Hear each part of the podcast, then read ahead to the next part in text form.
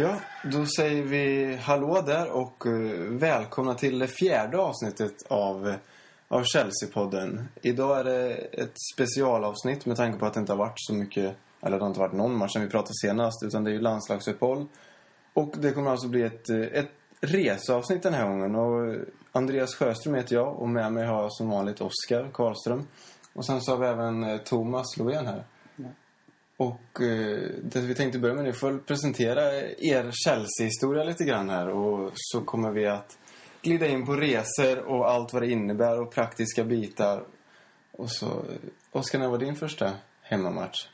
Första gången jag var på Stamford Bridge var 1999. Såg Chelsea spöa Sunderland med 4-0 i säsongens första match och ja, då var jag fast helt enkelt. Och sen dess har jag varit på 82 Chelsea-matcher om jag har räknat rätt.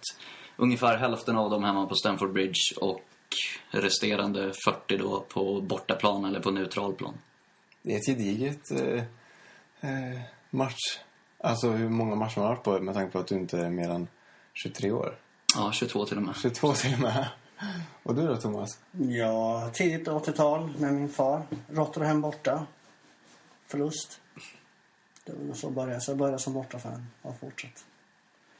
Och jag har väl lite över 100. Jag har 58 stycken borta och 46 hemma. 59 i England som jag egentligen räknar Wolverhampton men det är en annan historia. Den kommer nog komma till sen. Glider in på det sen. Och vi har massvis att prata om, men vi tänkte faktiskt börja med de praktiska bitarna. Hur- Oskar, hur gör man när man ska åka på Chelsea för de som aldrig har rest på Chelsea med flyg och biljetter och medlemskap och sånt? Hur går man tillväga? Ja, det absolut bästa sättet enligt mig och det jag skulle rekommendera är att man först och främst blir medlem i True Blue, vilket är Chelseas officiella supporterklubb i England. Man blir medlem i klubben helt enkelt.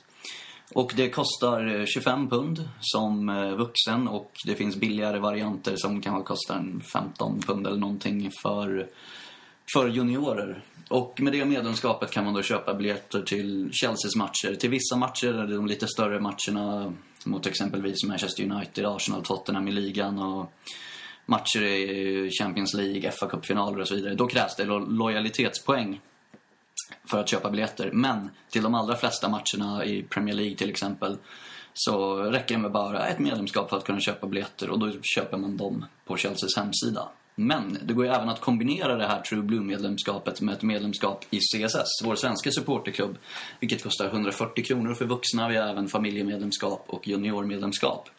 Och är man medlem i CSS och i True Blue så kan man köpa biljetterna genom CSS vilket är betydligt smidigare och enklare. Framförallt om det är första gången man, man åker och då köper man biljetterna från, från vår hemsida på Svenska fans då. Det som är bra med det är väl också att man kan vända sig direkt till CSS istället för att försöka få tag på någon. Om man är osäker så är det väl lättare att bara kontakta CSS än att försöka få tag på någon från Chelseas hemsida. Ja, precis. Det, vi svarar ju på frågor helst via mail. Och försöker vara så behjälpliga vi kan när det är folk som reser för första gången eller om de är ja, ovana Chelsea-resenärer. Så det är väl en liten trygghet också att köpa genom supporterklubben. Att man, man vet att man köper av folk som har erfarenhet av det här och som kan hjälpa till. Så sen frågade du om flyg och hotell och sånt också. Vi har faktiskt en liten resguide på vår hemsida där vi skriver om ja, hur man flyger till London och vad man ska tänka på, vilka flygbolag som är billigare och så vidare. Och även en liten hotellguide med lite olika hotell runt omkring i området. Det finns även guide till pubbar och restauranger och annat att göra kring Stamford Bridge. Så innan man åker på sin första Chelsea-resa kan jag rekommendera att man läser den guiden. Thomas, vilken är din favoritpub då? Om du får välja. Ja. Ska det vara? Det är Prince of Wales kanske. Imperial är rätt bra också. Brogans är bra men lite större. Lite större? Lite större, lite större sällskap. Ja, okej. De kan väl vara lite sisådär med... eh, De kanske inte tycker om att man det är många som sjunger dem, men... Det är schysst ställe. Om man vill ha bäst stämning då, vart går man då? Ja, på matchdag så klassiska Sobar som tidigare hette Britannia och även Roses Pub som har varit den puben där det har varit mest sång inför matcherna finns ju inte längre. Lades ner för, för förra sommaren. Så nu är det väl det Imperial Arms på Kings Road som, som är den puben med mest stämning. Vad jag känner till i varje fall. den jag tänkte säga också. Det finns ju inte tyvärr. Och det, sektioner som på Stamford Bridge, vad, vad ska man välja utifrån, liksom, om man är en familj, om man är, vill skrika, vad, vart, vad finns det för sektioner på Stamford Bridge och vad ska man välja? I slower är det om du inte vill ha någon alkohol i närheten och in, du inte vill sjunga och inte vill stå. Och vill du göra tvärtom så ska du vara på Martin Hall.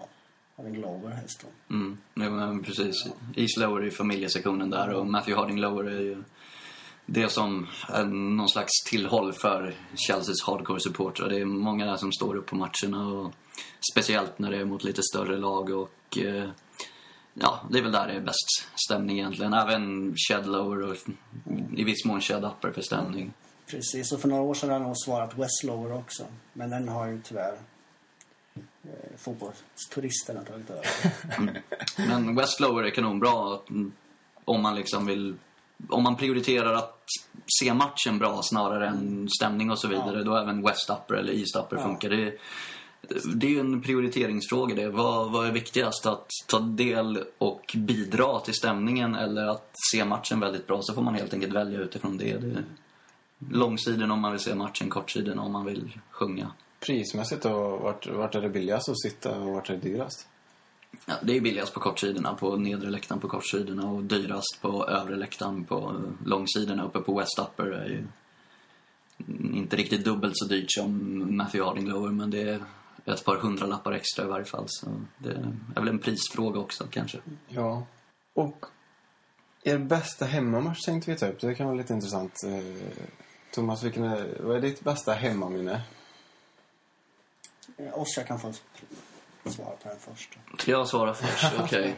Lite.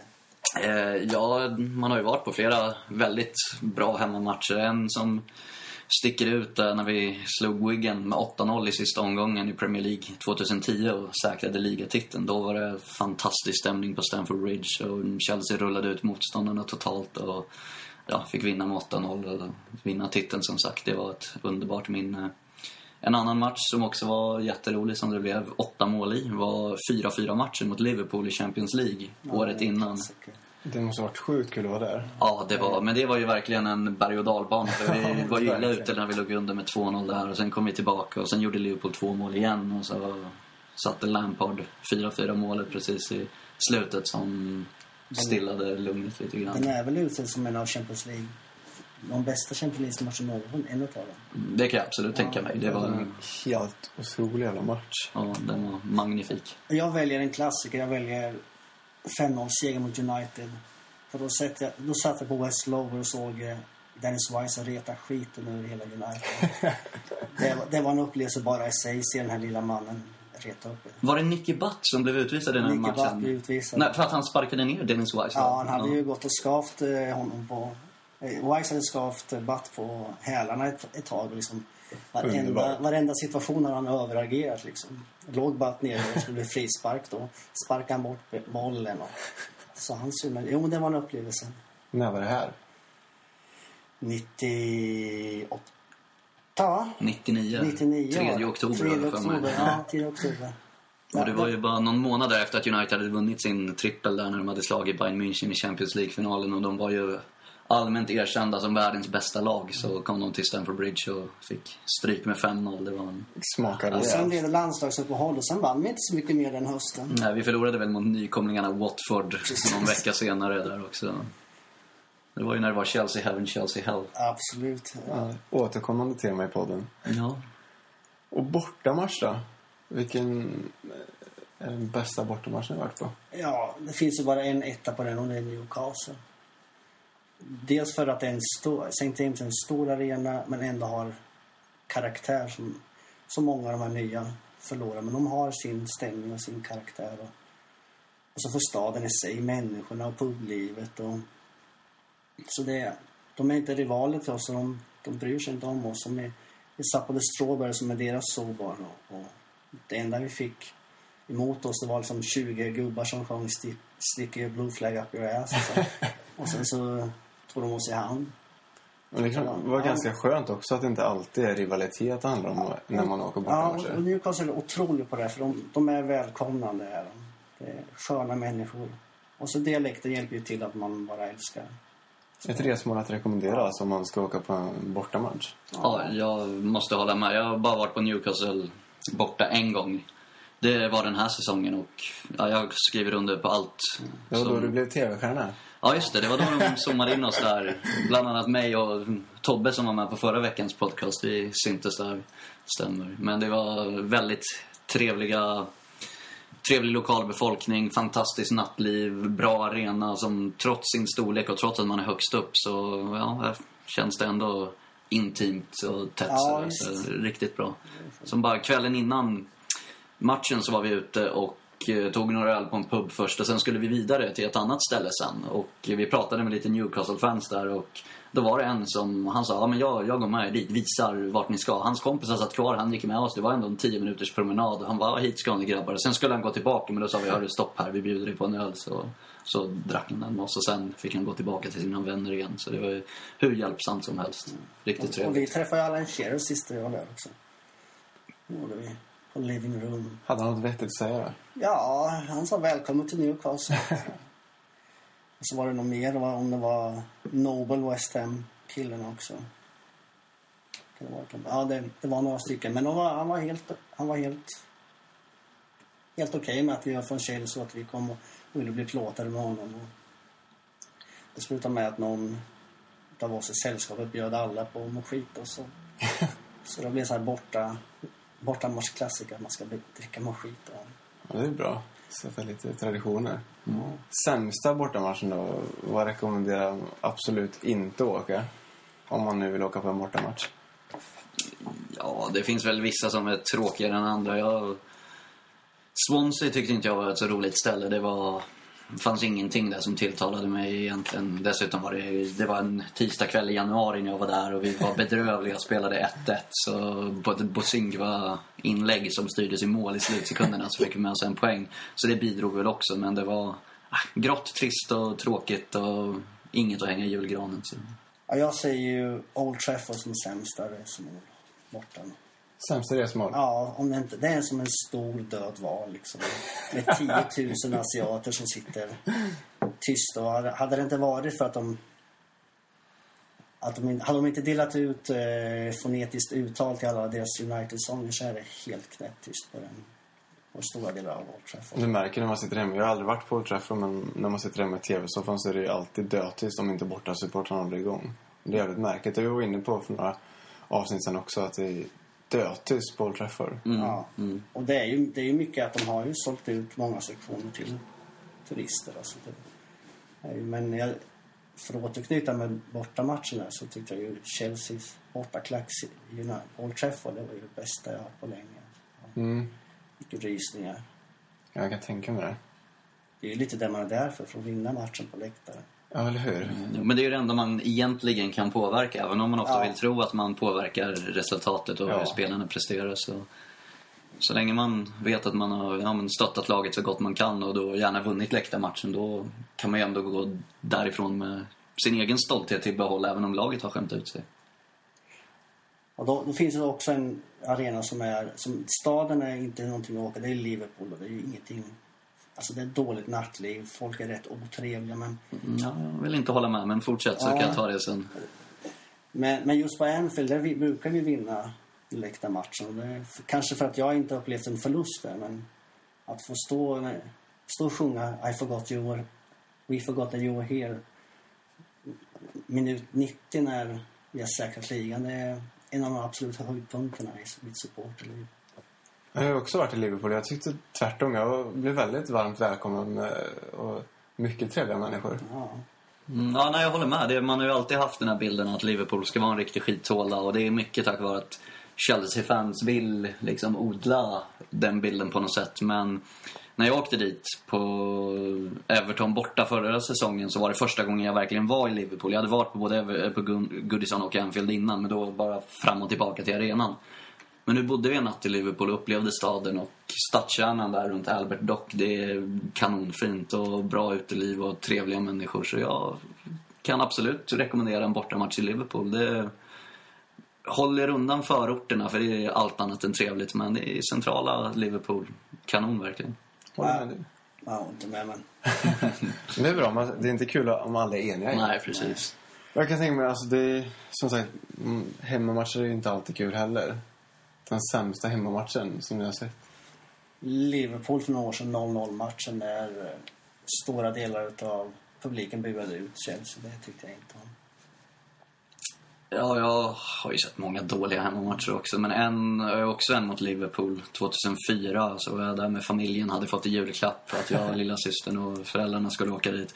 Så förlorade vi med 1-0. Stjärnan Bruno Cheirou gjorde matchens enda mål. Så det var ju den, var den julklappen förstörd. Det var inte så roligt. Sämsta julklappen någonsin. Ja, jag måste säga också besiktas. eh, För då, den hade jag samlat till eh, Champions League och de vann med 2-0.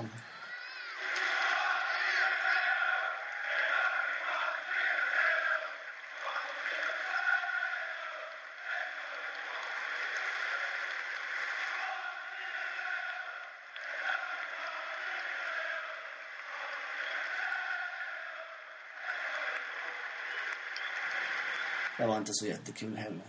Nej, fan. Och, eh, och- och Besiktas-fans, jag vet inte om det är generellt för turkisk fan, de är, de är inte speciellt bra vinnare heller. Är någon det? Vi är det. Ja, jo, verkligen. Självklart. Nej, men så det var, det var ri- riktigt, riktigt dopp var det. Men eh, vi har varit inne på det, men vad är det som liksom utgör ett bra resmål för bortamatcher? Egentligen. Ja, det finns ju mycket. Det, det kan ju vara liksom att motståndarna eller arenan, att det lockar, att det ger en extra nerv. Men oftast är det väl annat, som vi var inne på med Newcastle, att det är schysst lokalbefolkning, trevlig stad, trevligt nattliv. Det kan vara annat som Norwich tyckte jag jättemycket om för att det uppföljde nästan alla krav också. Det var en jättemysig stad, kanske Premier Leagues bästa bortaläktare. Man har ungefär en tredjedel av ena långsidan där. Och eh, det är inte som i Wolverhampton exempelvis, då man är utspridd på bara några rader på hela långsidan. Då är det svårt att skapa stämning. Men där på Norwich så är man centrerade, man är under ett tak och man ser bra från långsidan. Så det är kanske Premier Leagues bästa långsida, både för att se fotbollen och för att kunna skapa stämning. Ja, Norwich är bra. Och Southampton som vi spelar mot nästa helg är väldigt bra också. Det är lite noterat. Sen finns det väl annat med, finns det en bra bortapub vid arenan som man kan ladda upp på och skapa stämning på innan när det är positivt. Det finns i Blackburn till exempel, har de The Fenhurst, har jag för mig att den heter, bara ett par hundra meter från arenan. En jättestor pub med en stor, ja trädgård är det väl inte, men en stor parkering där man kan stå ute och dricka öl och det är perfekt. Så det är väl många olika faktorer som spelar in där. Sen Ja, det är klart att när man möter sina rivaler, som våra London-rivaler, Tottenham och West Ham och QPR till exempel, då blir det en extra taggning på något sätt inför matchen. Att det är lite hat och rivalitet med i bilden också. Så det är en annan faktor som kan bidra till att det blir Ja, vi, extra ly- roligt. vi lyckades ju med konststycke för några år sedan på West Ham borta och, och komma in på Intercity Firms eh, pub då. Duke of Edinburgh. Och det kan jag inte rekommendera. Hände det något? ja, vi fick eh, lite flaskor. Eller det började med att, att eh, bartendern eh, hällde upp halva öl eftersom jag ändå skulle gå snart. Mm. Och sen så eh, började det kastas mynt mot oss och till slut slutade med att de kastade flaskor på oss och då tänkte vi att det var dags att gå. Ni kände det? Ja, Det låter som ett bra beslut i alla fall. att lämna. så där. De är speciella de där derbyna också. Men däremot har vi en av de trevligaste arenorna även i London borta. Det är ju Craven Cottage som måste slå slag för. En genuin gammal, härlig. Mm, nej, den är mysig, Ja, det är absolut. Det ligger ett bra område också. Så den kan jag rekommendera.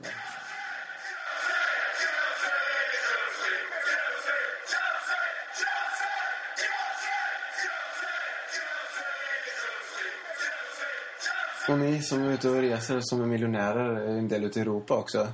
Eh, vad, vad är det som är speciellt med bortamatcherna i Europa? Oj, var ska man börja? Det är, för det första så är det att man får komma till ett annat land. Man får uppleva en ny plats. Det är, nya städer. Jag vet inte, jag hade troligtvis aldrig varit i Valencia eller Frankfurt exempelvis om det inte hade varit för att jag hade åkt dit och kollat på Chelsea. Och, Nej, precis. Och mycket andra. Jag har inte varit ute på lika många och lika konstiga som Lovén här har varit. Nej, det brukar hända en del där ute. Eh, Men ändå, man får, man får åka till nya länder, se nya städer och det är ju alltid jättetrevligt. Man, för oss som gillar att resa överlag, inte bara med Chelsea, så är det perfekt att man kan kombinera de två. Och Sen är det en liten annan typ av Chelsea-supporter som är där. Det är mer folk som har varit med väldigt, väldigt länge. Det finns mycket av de här äldre Chelsea-fansen, gamla headhunters från den tiden då det var rätt stökigt kring matcherna som inte går så ofta eller som aldrig går hemma på Stamford Bridge och inte så mycket bortamatcher i England heller utan de satsar på de här Europamatcherna och det är då de tar sig ut och det är en speciell känsla liksom att man vet att här är det Chelseas hardcore support på något sätt som är här och alla är där av samma anledning och Sen är man bara ute i olika europeiska städer där alla liksom är turister och alla Chelsea-fans som är där och man är där på lika villkor liksom. Även om man är från Sverige och det, nej, det är fantastiskt helt enkelt. Ja. Det är svårt att beskriva, det är svårt att sätta ord på. Det man får åka själv och uppleva helt enkelt. Redan som borta supporter i England så är man ju en del av det här Chelsea-kollektivet. En del av London precis. i, i annan del av eh, England. Och, men där är man ju en del, förutom att vara en del av Chile som är en del av England också, ett annat land. Och det, det, blir, det blir speciell känsla. Det blir ju det är mer sånger, det är mer... Ja, det är hårdare tryck på, på uppvärmning kan man säga. Mm, det är det. det är Ja. hela, man, de flesta kommer dit dagen innan. Andra droppar in på morgonen, förmiddagen. Och eftersom matcherna alltid är på kvällen så är det redan vid lunchtid så är det ju fullt med Chelsea-fans ute på de olika pubbarna i den staden som man råkar vara i. Och man kan gå mellan pubbar och så är det folk som hänger på uteserveringar och vid torg och hänger upp sina flaggor och dricker öl och sjunger sånger. Och man tar över staden lite grann kan man nästan säga. Och så blir det inte riktigt på bortamatcherna i England i och med att då åker ju alla från London upp med tåg eller buss eller bil eller vad det kan vara till någonstans i norra England så, och kommer dit någon timme innan matchen bara. Så det blir, blir mer att man, man gör sin närvaro i staden tydlig och som du säger att man får vara en del av det där. Det, det är en härlig känsla. Absolut. Mycket härlig känsla. Om ni fick välja att åka tillbaka någonstans så favoritresmål, bästa staden har varit i när jag kollat på Chelsea? Prag här för inte så länge, så länge sedan var fantastiskt bra. Jättebra resa. Det var... Bara att det är bra öl. Nej, inte bara, men det var väl en bonus också. Bukarest då? Ja, dit kommer jag ju inte iväg. Ska vi inte prata om det. Nej, men Prag var fantastiskt. Det var mycket bra vänner både från CSS och engelska kompisar. Och de hade, har ju bra nattliv i Prag, bra öl som du säger och inga problem med några lokalinvånare utan man var välkommen överallt. Och det var jättetrevligt på alla sätt och vis. Även om själva matchen där inte var så värst rolig. Vi vann ju i varje fall. Ja, Jag, gillar, jag är svag för Mestalla faktiskt. Det är ju som en som ett kolosseum där med de här branta läktarna och, och en härlig stad. Bra klimat året om. Mm, det tänkte jag på när jag var där. Då var det ju 26-27 grader och man stod lutad mot en palm och drack sin öl innan matchen. Det är lite Fan, annat än skönt. någon kall vinterkväll någonstans i England eller när vi hade Köpenhamn bort och det var minus 10. Det... Och faktiskt Donetsk också fast, eh, ja, som ni som har läst reseberättelsen. Det blir ju ett äventyr. Jag hamnar ju lite ur kurs och det var dåligt väder men den är så annorlunda den arenan. Det är ju som ett ufo någon har slängt ner ett ufo. Urkurs. Ja, Kan du utveckla urkurs? Eh, ja, jag skulle ju bara titta på lite, på lite så här krigsskådeplatser eller så här minnes. Jag hamnade 14 mil ur kurs i en stad i Svarta havet istället. Så det var... Och jag lyckades faktiskt åka på den bortamatchen utan att träffa en Chelsea-fan. Så det, det är en bedrift i sig. Ja, det är fan en bedrift. Så då var det inte att du var del av det här äh, Chelsea...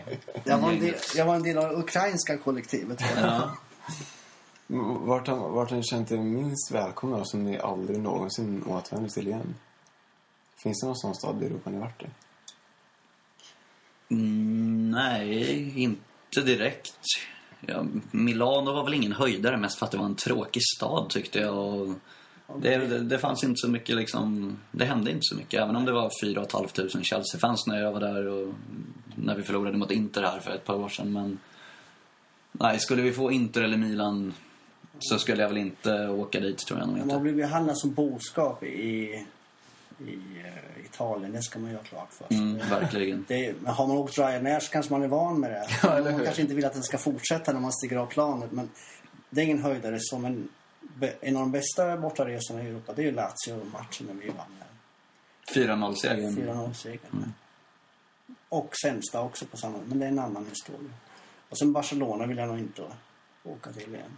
Jag var där 2000 och vi fick stryk med 5-1. Vi hade ledning med 3 från Stanford. Det var inte så kul.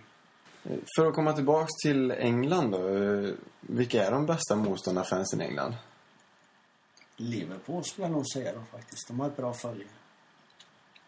Ja, Liverpool har rätt bra bortastöd. Även United. Det är nästan så att de största klubbarna har de bästa borta fansen i England. För att de har mycket fans över hela England. Så att det är många liksom, lokala Liverpool-fans eller United-fans eller Tottenham eller Arsenal eller vad det nu kan vara som åker. Och de kommer alltid med mycket folk både till Stamford Bridge och till andra matcher runt om i England. Och ja, är högljudda. Och till den kategorin hör väl även Chelsea-fansen. En stor klubb med mycket fans runt om i landet. Och som alltid är mycket mycket folk på plats och högljudda. Ja, Liverpool alltså. Liverpool ja. Ja, United vill jag Ja, även ja. framhålla, även om man, ja det vill man väl egentligen inte. Men om man ska vara ärlig så, de två ligger högt upp och sen, Så gillar Birmingham också när de kommer med en massa trummor och grejer. De, de är lite charmiga. trummor ska man inte ha. Nej, men de är charmiga. De sjunger BFC. I wanna be BFC. Det är ju lite småcharmigt sådär. De kanske inte bästa då, men charmigaste. Charmigaste? Sen Newcastle som vi har pratat en del om tidigare, de gånger jag har sett dem på Stamford Bridge, jag tror det är fyra eller fem gånger, så har de varit väldigt, väldigt högljudda. De har aldrig kommit med mycket folk. De tar alltid halva tilldelningen, bara 1500 biljetter och inte 3000 som de har möjlighet till. Men de 1500 som är där, de sjunger alltid på väldigt bra. Så de är bra också. Och sen har vi Stoke som har rätt kast bortafölje men väldigt bra stämning hemma på Britannia. De kanske har ligans bästa hemmafans. Sämsta då? Vilka är sämst i hela England? Det är en Alltså, fi, bo- fin utmärkelse. Ja. Wigan. Utan konkurrens. Ja, det är i varje fall i Premier League så det är väl de Bolton är inte mycket att hänga i julgranen, inte Blackburn heller. Det är just de där lagen från där nordvästra England, de här lite mindre klubbarna. De kommer inte med så mycket fans till Stamford Bridge, vilket man i och för sig kan förstå. Jag har funderat lite på hur andra klubbar ser på bortamatcherna mot Chelsea. För det är ju en, av, en i raden av många matcher i London. Och det är en match som åtminstone de senaste ja, tio åren många nästan vet att de kommer förlora när de åker dit. Så de kanske väljer att åka på Fulham borta, eller West Ham borta, eller QPR eller något sånt där om de... Eftersom det är, ja, det är en annan match i London och rätt dyra biljetter på Stamford Bridge dessutom. Så det kanske är en match som prioriteras bort. Jag tror det ligger någonting i. Att man liksom väljer Ja, bort det. För då, när man, känslan av att veta att man ska förlora är inte så jävla rolig. Nej, så har det ju ofta varit, i varje fall under Mourinho-åren och när vi var som bäst under Ancelotti och sådär. Jag tror vi, ha, vi hade väl en visa om Wigan-fansen. See you both outside. Ja, exakt. De har lite fler än två kanske de har. Och för att glida in på något lite mer tråkigt om erfarenheter av våld och sånt. Har ni varit med om Du fick flaskor i huvudet och sånt. Men är det någon mer gång som ni har blivit utsatta för våld? Ja, utsatta och utsatta, men Leeds är ju en, en riskresa. Det så man måste liksom tänka på vad man Ha på sig? har på sig och, och vilka man rör sig med och vad man säger på puben för att det är inte så uppenbart vilka som är borta pubbar i Leeds. Så man får liksom leta sig fram. Och de, de har ju en, de har ju en, en stark firma där som gärna ger sig på Chelsea-fan när de kan. Veva lite? Avgöra lite. Ja, jag har väl varit förskonad från sånt. Det är att jag har varit i närheten någon gång om någon polare har fått något slag eller så. Visst, det har väl flugit någon flaska i luften, men aldrig i närheten av mig egentligen. Så ja, jag har klarat mig än så länge. Stoke, som, då, där fick vi för, när de kom upp där. Eh, Teneriffa Truglor och sin enda resa, då hade, fick vi flaskor på oss. Alltså, ja, jo, det kan ju hända var som helst. Det, en kompis som blev slagen i Swansea trots att det inte är någon rivalitet mellan Chelsea och Swansea. Och sådär. Så det, man kan ju ha otur. Det är inte alltid man orsakar någonting själv. Bara. Eh, Och West Ham är en sån resa också. Man ska man kanske ska inte skrika ut sina sympatier man kommer avsides. Då. Nej, det är väl sunt förnuft egentligen. Det, Ja, det liksom, man, märker, man kan väl känna av ganska lätt vad man inte ska göra och vad man ska göra. Ja, precis. Och vill man undvika bråk så är det oftast rätt enkelt att hålla sig undan. Det är, Så det, det är ingen man behöver vara orolig, verkligen. Inte att man ska åka på Chelsea att man ska hamna i något problem. Det, den, de riskerna är väldigt, väldigt små. Och Som sagt, med lite sunt förnuft så kan man nästan eliminera riskerna helt. Och jag tänkte inför nästa säsong där då, om ni hade fått välja drömmotståndare i England i, vill säga en fa Cup-lottning. Vilket lag väljer du då? Ja, det finns ju väldigt många borta arenor i England man vill besöka i de lägre divisionerna av olika anledningar. Men en lottning som har varit lite på tapeten för att det varit möjlighet i flera omgångar nu att vi skulle kunna få de här, den gamla ärkerivalen Millwall. Alla som har sett Football Factory till exempel vet ju att ja, även i verkligheten är det en lottning som skulle vara väldigt intressant. Nu är ju inte jag alls inblandad eh, i någon slags fotbollsvåld eller så, men just känslan av att Chelsea skulle möta Millwall och väcka den här gamla rivaliteten till liv, den skulle jag ändå vilja vara med om. Och sen om man är där så får man ju som sagt, som vi var inne på tidigare, se till att hålla sig undan helt enkelt. Men ändå vara där och känna stämningen. Så Millwall, ja, antingen borta eller hemma. Jag vet inte riktigt vilket som skulle vara bäst. Du Thomas? Ja, jag, är inne på, jag håller med Oskar, men jag är inne på nästa säsong då vi möter Cardiff borta i FA-cupens tredje omgång och John Terry får ge en på Craig Bellamy för hans eh, uppträdande på Stamford Bridge för några år sedan. Det skulle vara skönt. Fast Cardiff kommer väl kanske möta i ligan. Ja, och då blir ju det en givet bortamål. Fast det är lite synd med Cardiff nu att det som har hänt med deras klubb att de har ju bytt färg och då skulle de byta namn också till Cardiff Dragons eller något. Kanske LDB eller någonting. Ja, jo, eller hur? Så det är inte riktigt samma klubb som det Cardiff som kom till Stamford Bridge för några år sedan i FA-cupen. Och Det var ju också en sån här riktigt härlig FA-cuplottning. Och, och sen faktiskt en Leyton Orient på Brisbane Road. Det skulle vara grymt. Jag gillar Leyton Orient och deras fans. Det, som består mest av... Vilken division det om? Ja, de ligger i League One. Där de. League One? Ja, en trevlig arena, trevliga fans. Det är bara sköningar där. Gamla original. Sådana som har blivit, inte får komma till andra arenor. Och, nej, men de är, de är sköna. Är de. Skön, skönt område också. Så får man gå till Seven Stars också innan. Så det, det skulle vara min andra önskan. Om vi tänker Europa då. Välj en... Om vi nu går till Champions League, det vet vi inte. Men vi antar att vi går till Champions League. En, en grupp som vi skulle vilja hamna i. Jag skulle säga Dortmund skulle jag vilja åka till. Det verkar hur bra som helst där. Den här gula väggen. Ja, Dortmund. Sen har du ju två lag till och du får välja tre. Det är det som är tanken. Hela gruppen liksom. Eh, Dortmund. Ja, något lag i öst valfritt så jag får åka igen. Och sen kan vi väl ta... Ja, Villarreal är inte möjligt. Men Sevilla då? Få lite värme också. Du då, ska en favoritgrupp? Eh, Ja, jag skulle gärna se att Chelsea spelar mot Real Madrid. Så man får åka till Bernabeu. Och även, ja, jag har aldrig varit i Madrid. Får besöka den staden kan bli kul också. Jag kan guida dig. Dortmund är jag också lite sugen på faktiskt. Det är Tyskland är mitt favoritland för att gå på fotboll i faktiskt. Det är mycket som är bra med fotboll i Tyskland. Så skulle det fan vara fantastiskt att få åka och kolla på Dortmund-Chelsea. Jo men precis, uppleva den stämningen på deras arena och sådär också. Men jag tror att jag väljer bort den ändå och istället hoppas att... Ja, jag vill egentligen inte att AIK ska spela i Champions League, men om de gör det så vill jag att de ska möta Chelsea. Så att man får se Chelsea i Stockholm, det hade varit fantastiskt. Jag var lite för ung där vid cupvinnarcupfinalen 98, men att få få ta hit alla, alla mina Chelsea-polare, visa dem runt i stan och sådär. Nej, det vore helt, helt magiskt faktiskt. Så det... Ja, tänk om de möter Elfsborg.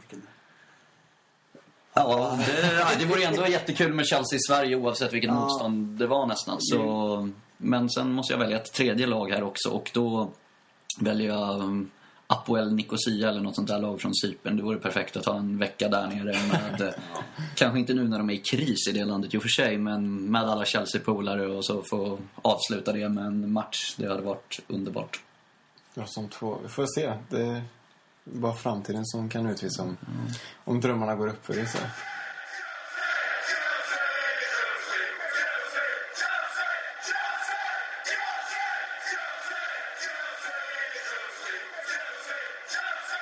Och vi har fått in en del eh, lyssnarfrågor som vi tänkte ta upp och svara på så bra vi kan. Och Lukas Gummesson undrar eh, vilken läktare är den typiska turistläktaren? Och eh, vilken eh, läktare är äldst?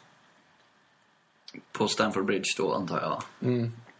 Ja, turistläktaren, det har vi väl varit inne på. Det är väl West Lower och West Upper. och Kanske även East Upper. Det, det blir naturligt så, långsidorna. För att många ja, turister, de... Som just är turister, det är ju viktigt att vi betonar skillnaden här på turister och utländska Chelsea-supportrar. Och det, vi anser att vi själva inte är turister, vilket vi inte heller är. För vi åker ju inte dit och ser Chelsea som en slags turistattraktion. Nej. Det är inte musikal Chelsea, Madame Tussauds och Big Ben för oss. Utan det är, det är Chelsea som är det primära och det enda målet för resan. Och eh, lyckligtvis är det många av eh, de engelska Chelsea-fansen som är medvetna om den här skillnaden. De vet att det finns väldigt mycket lojala Chelsea-fans i Sverige och i ja, Norge, USA med flera andra länder runt om i världen och de förstår skillnaden. Och som sagt tycker jag den skillnaden är rätt viktig att betona. Ja. Så Lukas, summa summarum, sitt på långsidan om du vill sitta bland turisterna och ta kortsidan om du vill skrika dig hes. Ja. Sen var det också vilken läktare som var äldst där. Och, ja, det är ju East Stand som byggdes början av 1970-talet. Och som då måste den ju ha varit en av de mest ja, nyskapande och framstående av läktarna i hela England. Och, för den håller ju fortfarande måttet.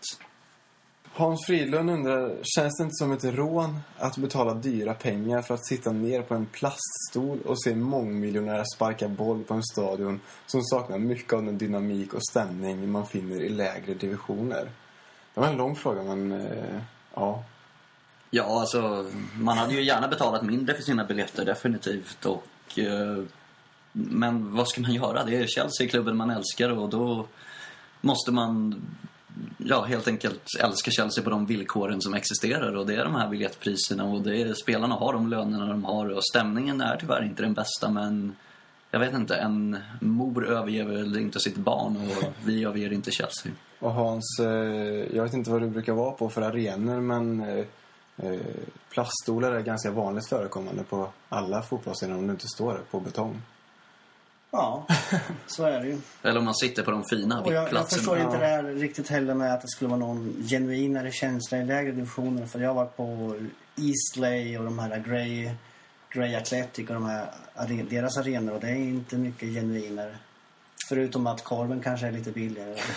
Ja, jag hade faktiskt en väldigt, eller väldigt intressant var det inte, men en intressant diskussion med en engelsk kompis som också håller på Chelsea om det här Eh, för en tid sedan. Det är ju ofta så att folk påstår att det är mycket mer äkta och genuint i de lägre divisionerna i England.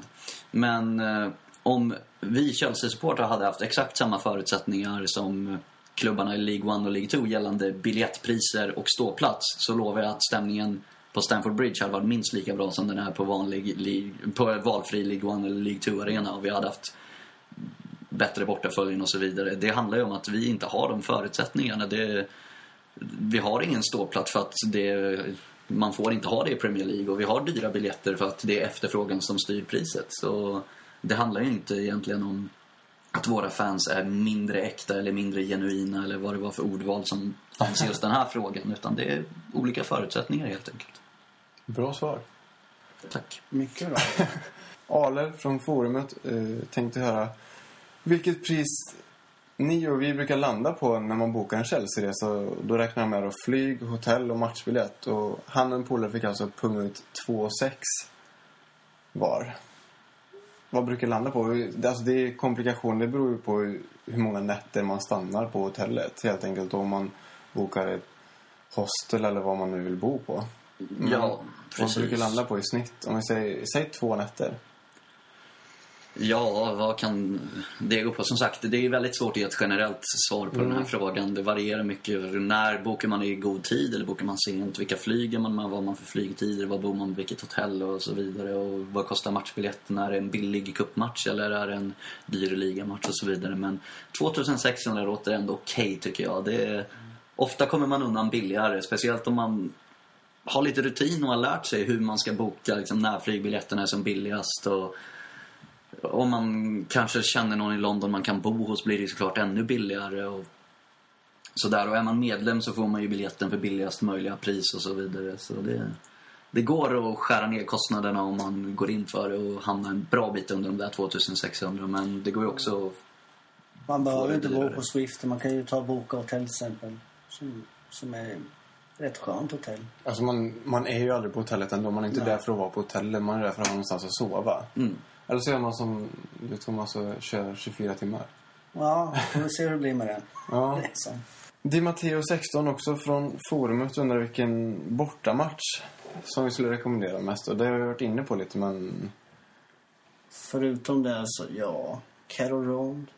Faktiskt. Norwich och sen Southampton då. Det är trevligt. Goodison är trevlig. Jag skulle säga att de flesta i England, alltså det, det blir ju, kan bli bra. Det blir ju lite till vad man gör det till. Alltså åker man med bra kompisar och ja, men, tänker till lite, försöker kanske boka något tåg som man tror att det ska vara andra Chelsea-fans på och hitta någon bra pub och så vidare så blir det ju genast mycket bättre.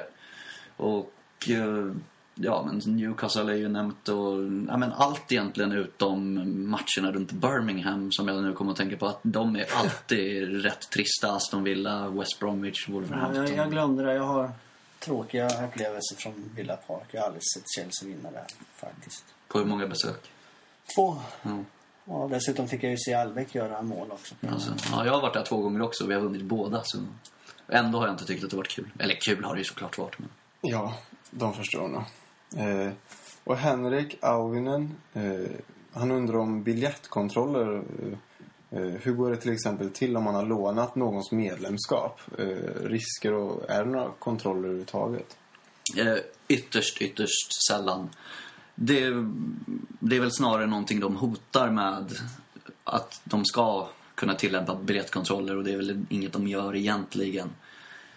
Så mm, ja, man kan låna ut sitt medlemskap, det kan man. Men man ska väl ändå tänka till och bara låna ut till folk man litar på, folk man känner. Så att man inte lånar ut det till vem som helst. Men det är inget man egentligen behöver vara särskilt orolig för. Det enda som, problemet som kan uppstå är om biljetterna ska hämtas ut av någon anledning. Att de inte postas kanske för att det är för kort tid mellan att biljetterna släpps och matchen spelas. Som det kan vara i samband med vissa kuppmatcher eller att biljetterna försvunnit på posten och att man får hämta ut ersättningsbiljetter på plats. Då kan det vara lite trixigt om det inte är samma person som har medlemskapet som är där. Men i annat fall, inga större problem.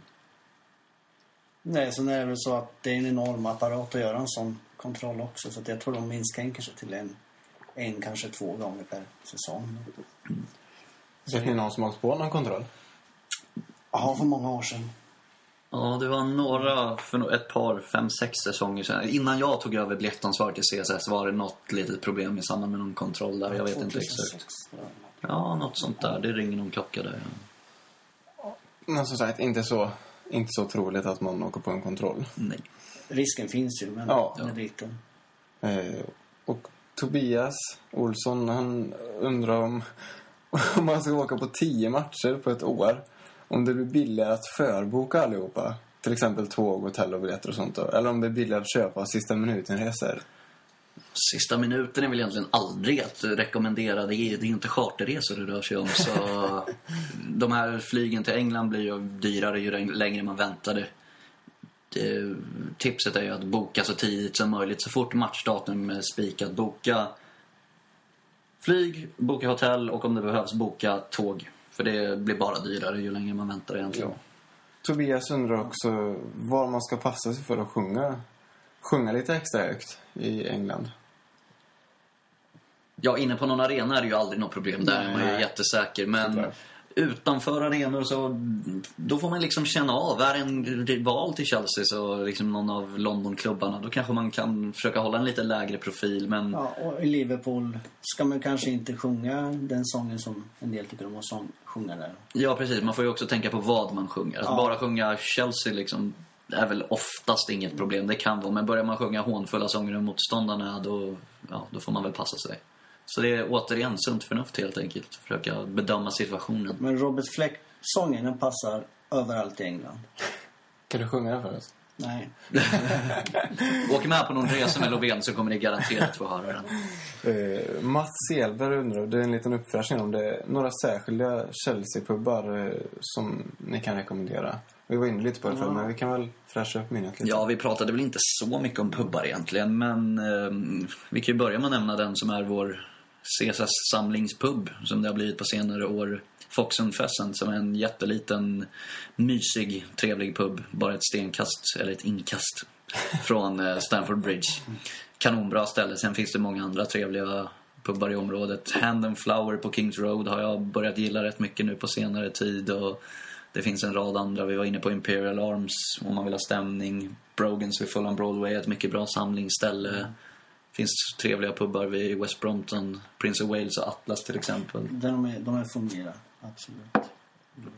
Det är minsta problemet egentligen att hitta någon bra pub runt Stamford Bridge. Även om det är många som stänger igen. Det är flera av de lite bättre vattenhålen som har fått slå igen de senaste åren. Precis.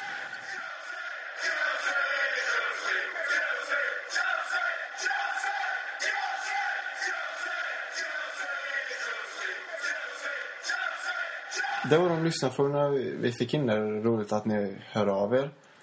Och vi tänkte glida över lite på lite klassiska resor som, som jag har varit på här. Eh, Oskar, någon klassiker att berätta om?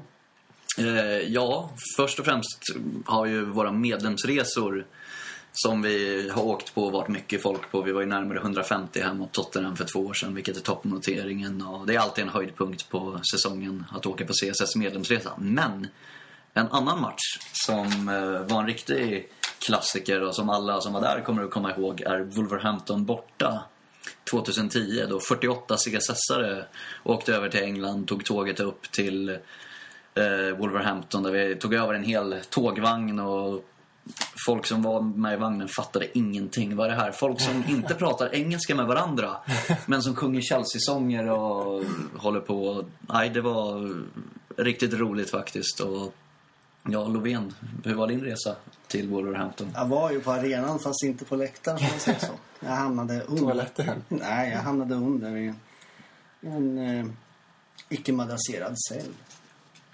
På grund av? Eh, trying to enter a football stadium intoxicated. Så att eh, det var min, det var min Wolverhampton. Jag räknade den även om den kanske inte riktigt... De var ju på arenan. Ja, Du hade det tagit dig dit i varje fall och det är tanken som räknas. Och då var ju bortaresan, eller hemresan dit var ju, var ju stora äventyret. För då släppte de mig en kvart efter det sista tåget till London hade gått. Så jag var tvungen att ta mig till Birmingham. Så jag hamnade på New Street-området och det är ett av de tyng, tyngst kriminellt belastade områdena i England. Och där springer jag omkring med Chelsea-tröja öppen. Lite virrig. Lite virrig, ja. Hittar inte bussen till London, nattbussen till London och hamnar på en pub där de ber mig att täcka, täcka min Chelsea-tröja. Men det glömmer jag. Efter några pints och en whisky så var jag på dansgolvet med en Chelsea-tröja. Och då blev jag omringad av några solos som undrade vad jag gjorde i deras stad. Så när jag förklarade för dem hur jag hade hamnat där, då stod de för drickat resten av kvällen. Det låter ju bra- som en bra avslutning i alla fall. Så Ja, det blev fint sen. Sen blev jag mött på Lloyds utav- med champagne. Och det låter som en bra dag ändå. det blev bra till slut. Och även om du inte var på matchen så kanske du hade bättre koll på resultatet än vissa som var inne på arenan. Vi har ju vår Ja. gode vän Sleeping Dave som, eh, ja, är åtminstone en ja, halvtimme, 40 minuter efter matchen trodde att det blev 1-1 fast vi egentligen vann med 2-0. Han hade missuppfattat och trott att Chelseas ledningsmål var att det var Wolverhampton som gjorde målet för han var nere och köpte öl när målet gick in och han hörde bara ett jubel och tog för givet att det var motståndarna som hade gjort mål där. Alltså. Ja, det är konstigt, för när jag var på St. James med Sleepy Dave så, så gjorde Chelsea mål också. Då var vi också ute och köpte öl. Fattar han vilka det var som hade gjort mål den här gången? Eller?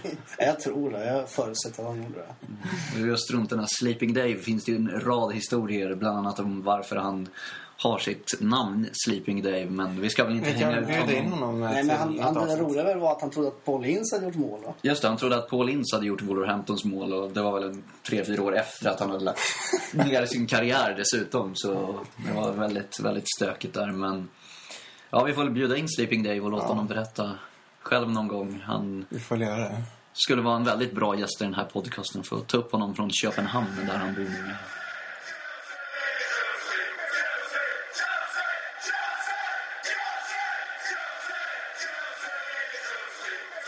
Det var allt vi hade för det här avsnittet. Och vi tackar för att ni har lyssnat och hoppas att ni har uppskattat eh, att höra på lite gamla minnen. Och den här podcasten hittar ni på iTunes. Eh, och gå gärna in där och betygsätt podden också så syns vi ännu mera. Och chelseasweden.com kan ni också lyssna. Och sen hittar ni oss även på Twitter och Facebook. Där heter vi Chelsea-podden. Och så mejla gärna, som sagt, om ni har något lite längre resonemang till chelseapodden gmail.com. Och så tackar vi för att ni skickade in frågor och tack återigen för att ni lyssnar. Andreas Sjöström heter jag och ha det bra.